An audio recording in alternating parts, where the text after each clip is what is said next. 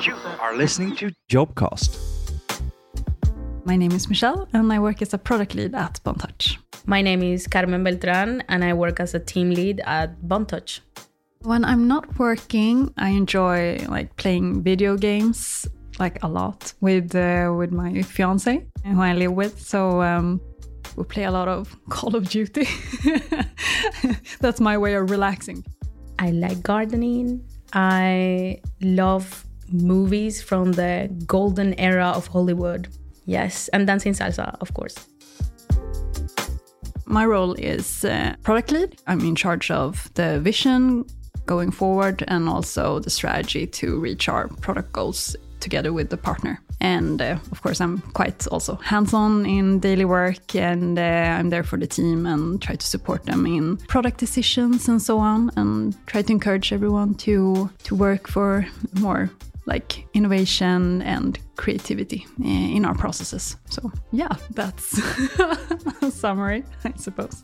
As a team lead, just as it says, you are the leader for the team. You're the person that, in many ways, defends the team.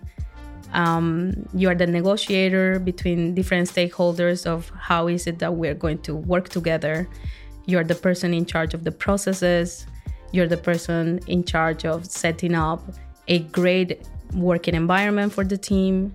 So, yes, you have to be a leader, but also you have to be organized. You have to be the humble person that accepts to do many tasks from different sides, and every day is completely different.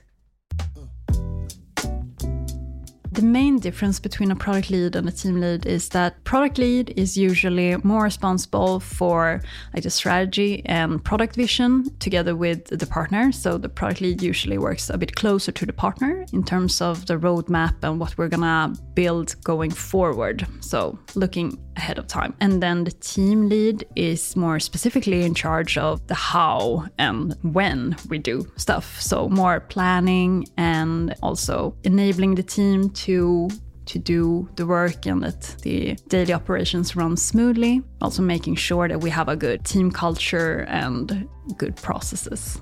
I think that one important thing that we search for in people is a high level of passion for digital products, just because that's what we do. I think the fact that it changes all the time, if you're that kind of person that likes, that doesn't want monotony in, in work and that doesn't want to play it safe, I think this is the role for you. It's changing every day. The products change, but also the dynamics within the team and being able to set up that environment and being able to make um, a safe environment for a group of people to really create something fantastic. That is the dream, just to to see that happening. You should work at Bontouch if you want to be at the frontier you want to be like that pioneer in tech that wants to build incredible products, but also wants to do it in a fun and creative and flexible environment. Then this is the place.